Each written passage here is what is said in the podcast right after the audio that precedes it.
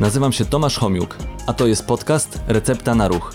Podcast, w którym wraz z moimi gośćmi udowadniamy, że ruch jest lekiem i namawiamy do zażywania go w różnej postaci.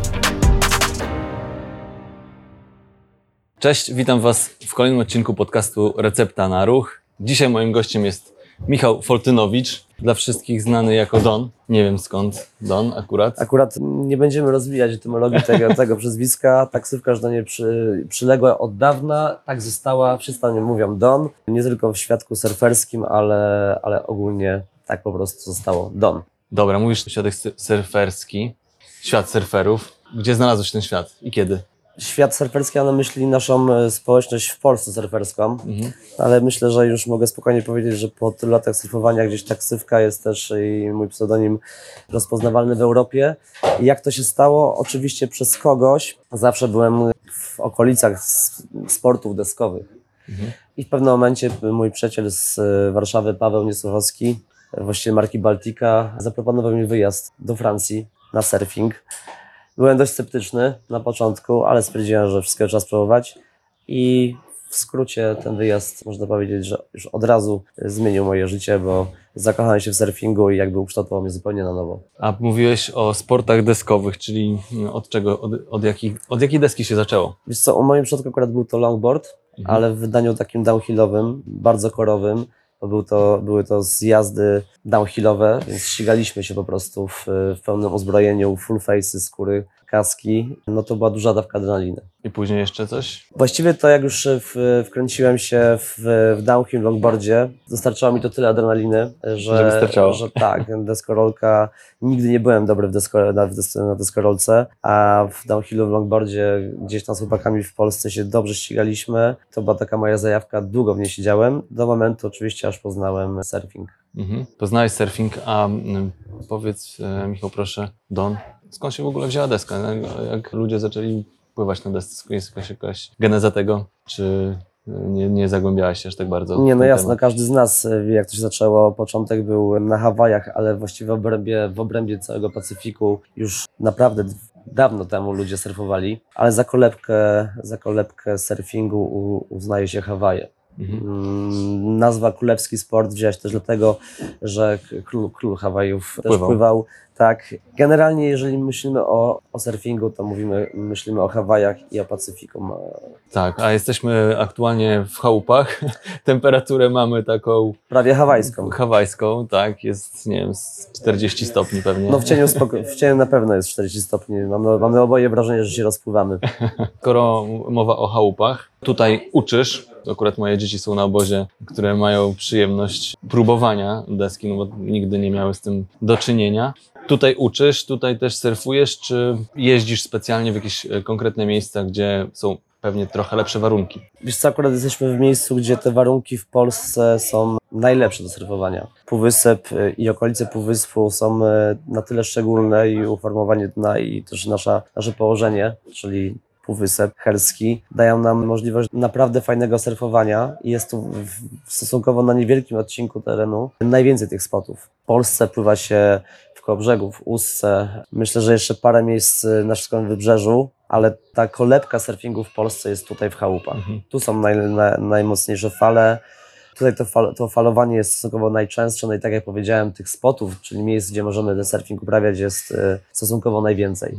To zresztą widać, jak się tutaj jest, że, że sporo ludzi z deskami. Tak, no jeszcze parę lat temu widok kogoś z deską surfingową, nie mówię o kajcie czy o windsurfingu, na plaży po drugiej stronie, bo często ludzie y, pytają nas, czy idziemy tam, a tam właśnie mamy teraz, y, y, patrzymy na zatokę. No sprawia usupienie i zdziwienie, co my tam chcemy robić. Teraz surfing jest już na tyle, myślę, powszechną, powszechną dyscypliną sportu nad, nad, Bałtykiem, że nikogo już nie dziwi widok surferów nad Bałtykiem. Ale jeszcze No to czyli nie temu... tylko Australia i Nowa Zelandia, gdzieś sobie kojarzymy, tak? Nie tylko, nie tylko, nie tylko. No i oczywiście Hawaje.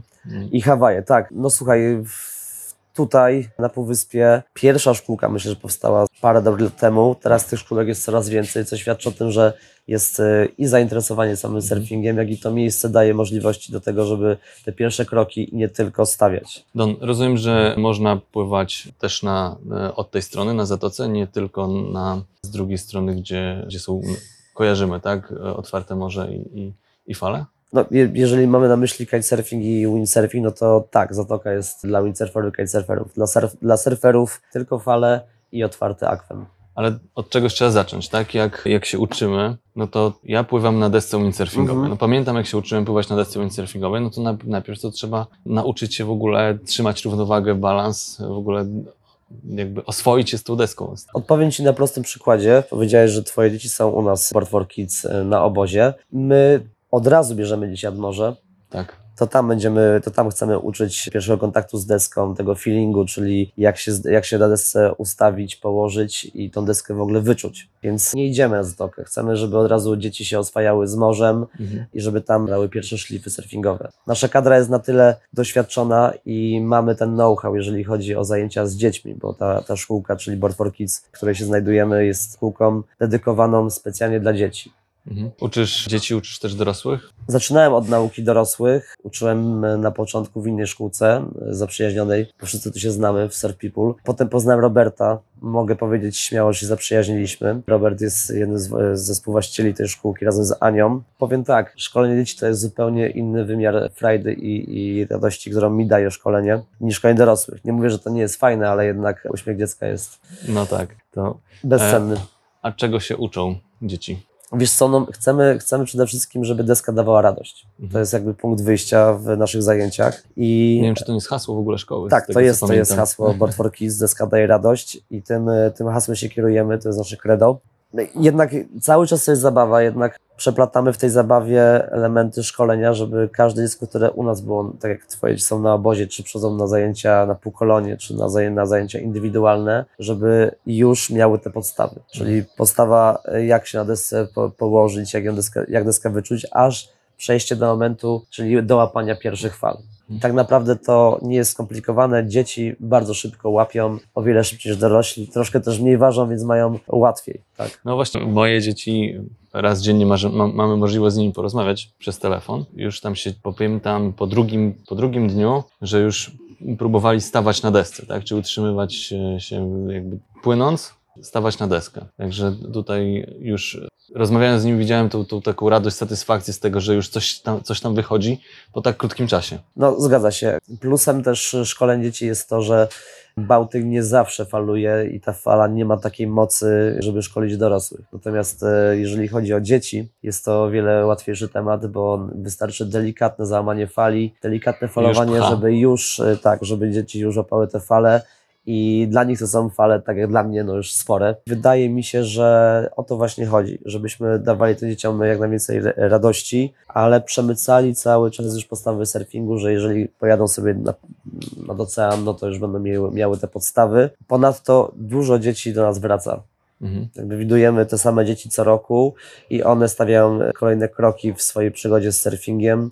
Mamy teraz taki program Young Guns, który właśnie jest e, przeznaczony dla dzieci, które już bardzo dobrze pływają i chcemy, żeby pływały jeszcze lepiej, żeby w Polsce wyrosło kompletne pokolenie surferów, takich e, od A do Z. A właśnie od- odnośnie tych, tego pokolenia surferów, no rozumiem, że są zawody na świecie różnego rodzaju. Czy mamy Polaków już na tyle, na tyle mocnych w tej dyscyplinie, że, że jakieś osiągnięcia mamy na świecie? Osiągnięć nie mamy. Mamy za to trójkę młodych ciągle surferów, którzy startowali w różnych zawodach. Będąc szczerym, jednak to jest sport, który zaczął się rozwijać całkiem niedawno w Polsce. Chłopaki mam na myśli, mogę ich wymienić z nazwiska. Kuba Kuzia, Max Michalecki, Adam Warchoł. Mocno trenują i osiągają jakieś wyniki. Jednak no, myślę, że czas, czas Polaków jeszcze, jeszcze przyjdzie w surfingu. No tak, to, tak jak powiedziałeś, od, od niedawna w Polsce i, i ta popularność rośnie, ale no nie na tyle, żeby, e, wiadomo, to jest pewna statystyka, tak?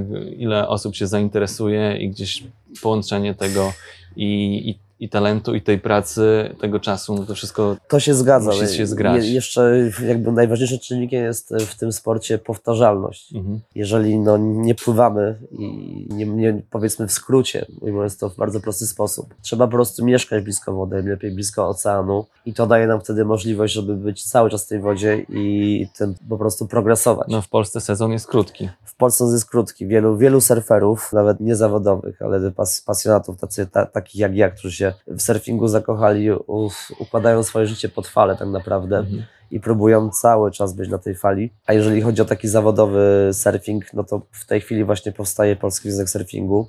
I wydaje mi się, że od tego momentu właściwie też to pokolenie, które teraz rośnie, pokolenie ośmiolatków w górę, ma okazję coś e, działać w tym sporcie. Tym bardziej, że już w tym roku surfing będzie na, na Olimpiadzie po raz pierwszy i będzie to sport olimpijski. I to na pewno też przyciągnie kolejnych, kolejnych fanów, tak? na pewno, jestem, tak. jestem o tym przekonany. Jeszcze, mm, Don, powiedz mi, mówisz, że układasz sobie życie pod falę, czyli gdzieś tam w ciągu roku starasz się wyjeżdżać, szukając tych miejsc takich, gdzie, gdzie możesz dalej trenować. Jak, jak to mniej więcej wygląda? Trenować bym nawet może tego nie nazwał, chociaż właściwie tak, to jest trenowanie, bo mimo tego, że jestem już starszym gościem, to staram się, staram się jak najczęściej wyjeżdżać, jak tylko to jest możliwe. Wiesz, tak naprawdę robię to po to, to trenowanie, jestem, jestem, jestem free surferem, nie startuję w zawodach. Robię to po to, żeby być coraz lepszym, a co tym idzie, żeby mieć po prostu jeszcze większy fan z, Mhm. z surfowania, z bycia na fali, więc staram się wyjeżdżać. Takim moim miejscem, które sobie upatrzyłem od dłuższego czasu i jest na mojej mapie wyjazdowej i co roku tam jestem, każdej zimy to Teneryfa, też Portugalia.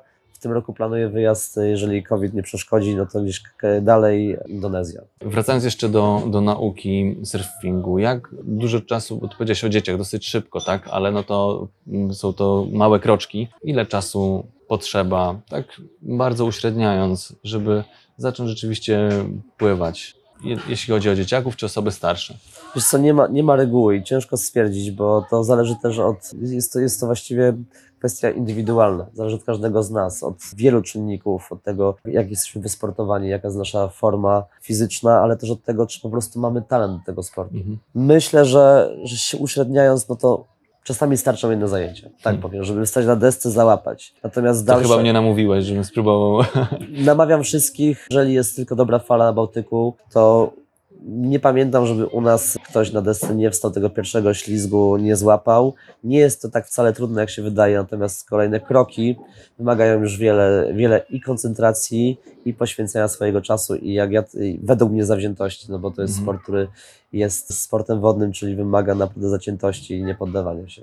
Ale No to- nikogo nie, nie zniechęcam. Uważam, że to jest sport, który, który, którego każdy powinien spróbować i nie jest e, w tych pierwszych fazach taki trudny. Więc odpowiada- odpowiadając na Twoje pytanie, myślę, że dwie lekcje surfingu z dobrym tutorem i na pewno na, da się zapaść tą pierwszą falę. Pewnie też zależy od, od warunków, jakie, jakie są, tak? Tak, no tak, tak. Co No to- innego, no są różne fale, tak? E, surf, tak jak powiedzieć, tutaj nie trzeba jakichś, szczególnie dla dzieci, Mhm. jakichś takich e, dużych, żeby zacząć prawidłowo gdzieś tam stawać na tej desce, próbować płynąć. No ale są, są różne fale, na których można pływać, tak? Te największe to wiem, że chyba gdzieś tam Portugalia, czy Wiesz co, największe, Portugalia, największe Nazare, Portugalia. Miałem przyjemność być rok temu na zawodach big wave'owych. widziałeś to? Bo ja tylko na filmikach widziałem. Tak, widziałem to na własne oczy, już byłem trzeci raz w Nazaré. Pierwsze dwa razy po prostu byłem zwy, zwyczajnie jako turysta, nie, nie trafiło się zobaczyć tych zawodów, nie było swellu, który jest tam, bardzo duży swell jest tam potrzebny, żeby ta, ta, ta fala zdziałała, ale akurat udało mi się, widziałem prawdopodobnie jedne z największych fal w historii. Czyli jakie tam są fale? Jakiej wysokości? Około 30 metrów.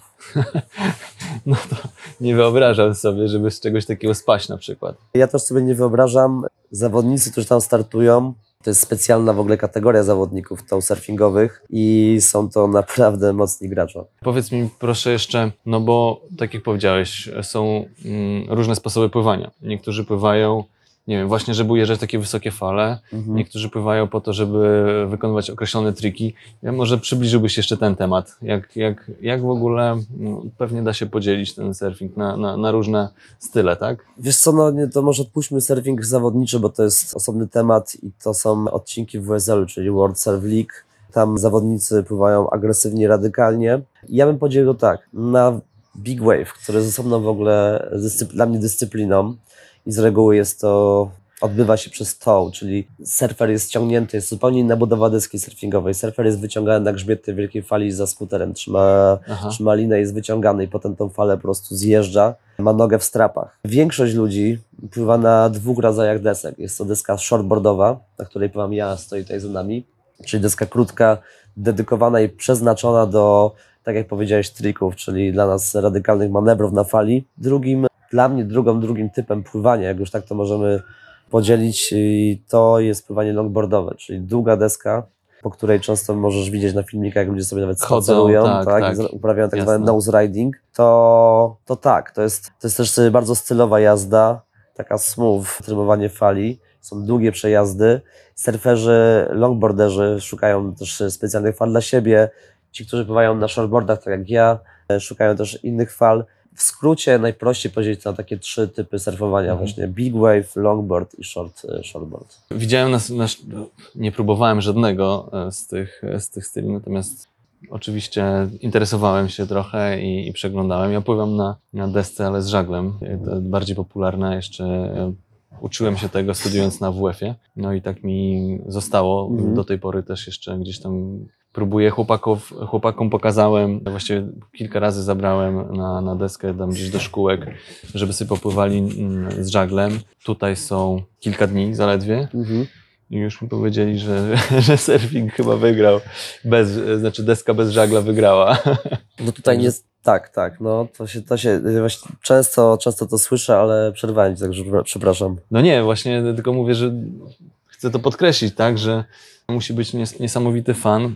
Nie wiem, nie wiem dlaczego, muszę sam spróbować, żeby się przekonać, co jest w tym takiego, że no, deska z żaglem, wydaje mi się, że tam jest prędkość. Oczywiście też można robić Mhm. triki, a tutaj nie wiem, jak jest z tą prędkością chociażby. Wiesz co, i e, prędkość surfingu jest niemała, bo surferzy, którzy pływają bardzo dobrze i trafiają na dobry warunek i na dobrą falę, rozwijają prędkość do 30 km na godzinę i więcej. Nie mówię o big wave'owcach, którzy No tak, mają tą prędkość dwukrotnie większą i odbijasz się jak od betonu, jak spadniesz na, z tej fali, ale obcuję tutaj z wieloma kitesurferami i windsurferami. E, Wszyscy siebie lubimy i szanujemy nawzajem. Natomiast myślę, że mogę otwarcie powiedzieć, że nie ma transferów z surfingu na kitesurfing czy, czy windsurfing. Czyli, że Odwrotnie. surfer zmienia deskę bez żagla na deskę z żaglem lub latawcem. Raczej jest tendencja odwrotna, że kitesurferzy, gdy poznają surfing, jednak twierdzą, że jednak surfing to jest to. Myślę, że najprostszym wytłumaczeniem jest, jest to, że jesteś po prostu wolny. To jest Mhm. takie uczucie, nie masz właściwie nic. Jedyne, co cię wiąże, to twoja noga, która jest przywiązana do, do deski, lisz, który, który trzyma no, twoją stopę z deską, żeby deska ci nie uciekła, jak spadniesz z fali. I to, że jesteś naprawdę w po prostu totalny kontakt z żywiołem, tak? Czyli z oceanem, z falą, z morzem. To myślę, że to. To, to działa na, na korzyść tego, że surfing i dlatego surfing jest uznawany za ten naczelny sport, e, sport wodny. A właśnie tutaj wchodzą nam des, Tak, tu- deskorolki, tu schodzą znaczy dzieci deskorolki. z des, deskorolkami. Powiedz, czy to też wpływa na e, chociażby, nie wiem, ktoś jeździł na deskorolce i chce zacząć pływać na, Nie na ma, surfingu. nie ma, Jest jakieś przełożenie, czy, czy nie, nie ma, nie ma przełożenia. Bo mi To, się wydaje, że trochę to z tą, z, tą, z tą równowagą, czy to nie jest tak, że... Na pewno pomaga, na pewno pomaga, ale nie ma to przełożenia jeden do jeden, że ktoś jest dobrym desko, na deskorolce, dobrym skatem, będzie dobrym surferem. Mhm. Pomaga, na pewno dodaje, jest to, jakiś, jest to jakaś przewaga, handicap, ale nie sądzę, żeby to się przekładało tak jeden do jeden. A w naszej szkółce mamy, szkolimy tylko surfing i tylko deskorolkę, także można, można zajęcia, dzieci mogą brać zajęcia i korzystać i z deskorolki, z doświadczenia naszych instruktorów z deskorolki, jak i surfingu. Na No pewno dobrze, z- widać, widać, że mianom- jesteśmy w, w szkółce e, z dziećmi. tak, no, tak, szkółka, szkółka żyje. Na pewno wspólnym mianownikiem jest właśnie chyba ta wolność, o której jest, powiedziałem, że nic nas nie, nie wiąże, tak, deskorolka to jest, i skate i surferzy natomiast mają dużo samo wspólnego.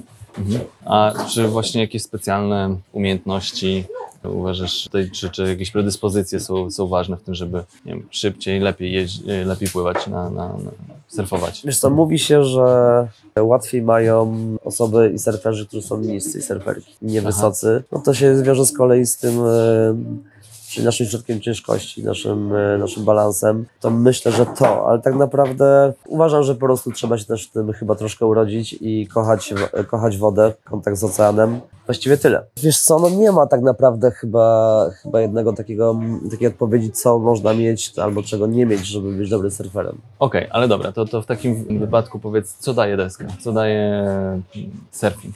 Co I- daje dzieciakom, co daje tobie? Poza, radością, kiedyś- poza tą radością, kiedyś, której y, już o tym ha- haśle Mm, wspominaliśmy. To też jest tak? pewnie Deska kwestia, daje radość. Tak, tak. e, To też jest pewnie kwestia indywidualna, ale jak ktoś mnie już e, kiedyś też zapytał o to, nieraz zresztą, co ci daje deska, co ci daje surfing. No, dla mnie osobiście e, uczucie, kiedy jestem na fali, to wydaje mi się, że mam wtedy w głowie takie totalne zero. Czyli nie myślę o niczym, jestem wtedy tylko ja i fala. I uważam, że wtedy fala i ja to harmonia. Ogólnie w życiu mm, można by na, na, na ten temat można by rozmawiać bardzo długo i dużo można by powiedzieć, ale jest to określony styl życia, jest to lifestyle, jakaś tam filozofia poszukiwania, szukania tej fali, więc to myślę, że że to jest odpowiedź. Ale tak jak powiedziałem już, można ten temat, na ten temat zrobić osobny podcast na pewno, co ci daje deska, no nie nazwałbym tego adrenaliną, nazwałbym właśnie, powiedziałbym, że jest to totalne odłączenie się i takie totalne jestewstwo z naturą. Trochę taki reset dla, dla głowy. Totalny, to, to, na, to na pewno. Jak jedziemy na tripa, bo musimy często tej fali szukać w różnych określonych miejscach, bo ona nie występuje na całym e, odcinku, czy na całym wybrzeżu, w każdym miejscu. Nie? Są specjalne miejsca, gdzie są mielizny, gdzie są różne inne zmienne, które pozwalają nam surfować, tak jak, no nie wiem, właśnie to, co powiedziałem, ułożenie terenu, czy mała zatoczka osłonięta od wiatru, bądź falochron. To samo to już poszukiwanie jest, jakimś, jest takim trochę Czyli po, więcej. polujesz, polujesz na falę tak naprawdę. każdy z nas poluje na falę, każdy tej fali szuka, więc wiesz, często można porównać surfing do, do wielu takich metafor i alegorii związanych z samym życiem. Tak, No, no, tak, tak jak powiedziałeś, styl życia, tak? Poszukiwanie tej fali. Zdecydowanie, Obcowanie z tą, z tą naturą, no bo to jest na, natura, tak? Więc mm, tutaj, która daje różne możliwości. Przez to, przez to są różne style. Słuchaj, pisze się książki na temat surfingu i tego, czym jest surfing. Ostatnio wyszła książka Dni Barbarzyńców. Mam nadzieję, że nie pomyliłem tytułu, którą czytam i, i pięknie jest tam opisane. Dlaczego surfing? Książka ma 500 stron, a mamy tylko 45 minut, więc możemy nie zdążyć, ale jak widzisz, jestem żywym przykładem i jest tutaj na Półwyspie wielu ludzi, którzy zmienili przez surfing, czy surfing zmienił ich życie i myślę, że zmienia na, na, na lepsze. Mhm. No Sam, sam fakt, że tu jestem i mogę szkolić Nie. dzieci, no to jest dla mnie chyba największa radość, że mogę się tym dzielić. Jeszcze są ksi- książki, a jeszcze ile filmów można obejrzeć? No bardzo, bardzo dużo filmów, bardzo mówię o, o tym, na, na, żeby na YouTubie konkretnie wyszukiwać już um, to, jak ludzie pływają, ale jest wiele filmów też nawet fabularnych o surfingu. Tak? Bardzo dużo i kolejne powstają. I na pewno będą powstawać. Jeszcze osta- ostatnie pytanie, które zadaję gościom, to jaka jest Twoja recepta na ruch? No bo różne, różnych form pewnie próbowałeś. Ten surfing Ci został najbliżej. Czy masz coś, taki, taki wiesz, podsumowanie? Podsumowanie, jestem, jestem jedną z tych osób, które nie mogą żyć bez, bez sportu. Miałem to szczęście dzięki moim rodzicom, szczególnie ta, tacie, który był e, sportowcem i tak mnie z bratem wychował i wysyłał na wszelkie dyscypliny sportowe, więc spróbowałem wiesz, i sportów drużynowych, piłka nożna, narciarstwa, snowboardu, tenisa, właściwie że- żeglarstwa, wszystkiego. Powolutku, no potem już byłem troszkę starszy, to poznałem longboard i tą, ten competition w ściganiu się w zawodach i tak dalej i to była, jakby zawsze szukałem adrenaliny, ale jestem typem, typem gościa, który po prostu bez ruchu nie może żyć i nie, nie wyobrażam sobie w ogóle, że mogło być inaczej, więc jeżeli mogę coś komuś polecić, twoim, twoim odbiorcom, no to żeby, żeby próbowali każdego sportu. No i właśnie po to jest ten podcast. Prezentujemy różne style tego ruchu w różnych formach sportowych. Tak jak Ciebie miałem okazję spotkać, zaprosić, porozmawiać, że tutaj szu- szukam takich osób, które no, żyją tym sportem. Także dziękuję Ci bardzo, Don, za, za świetną rozmowę. Dziękuję również. A oczywiście polecamy spróbować samodzielnie popływać, znaleźć miejsce, znaleźć osobę, która będzie w stanie pokazać, jak to zrobić. No jeżeli w Polsce i na Półwyspie, to zapraszamy do naszej szkółki Board for Kids, Chałupy 6, Eko Laguna. Mamy y, świetną kadrę instruktorską, która jest doświadczona i na pewno pomoże Wam zapaść pierwsze szlify i kroki na, na surfie, zapaść tą pierwszą falę. To ja już się przekonałem, właściwie moje dzieci bardziej, także tak, tak. po, po dos, dos, dosyć szybkim czasie już są zachwycone tą formą ruchu, także jeszcze raz polecamy. Jeszcze raz Tobie dziękuję Dzięki. i przypominam, co tydzień w środę o godzinie 12 kolejne odcinki podcastu, kolejne formy ruchu, sportu, które prezentujemy.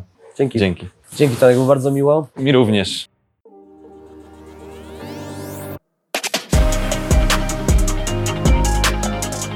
Dzięki, że byliście. Mam nadzieję, że zostaniecie tutaj na dłużej. Jeżeli chcecie być na bieżąco, zasubskrybujcie kanał Recepta na Ruch.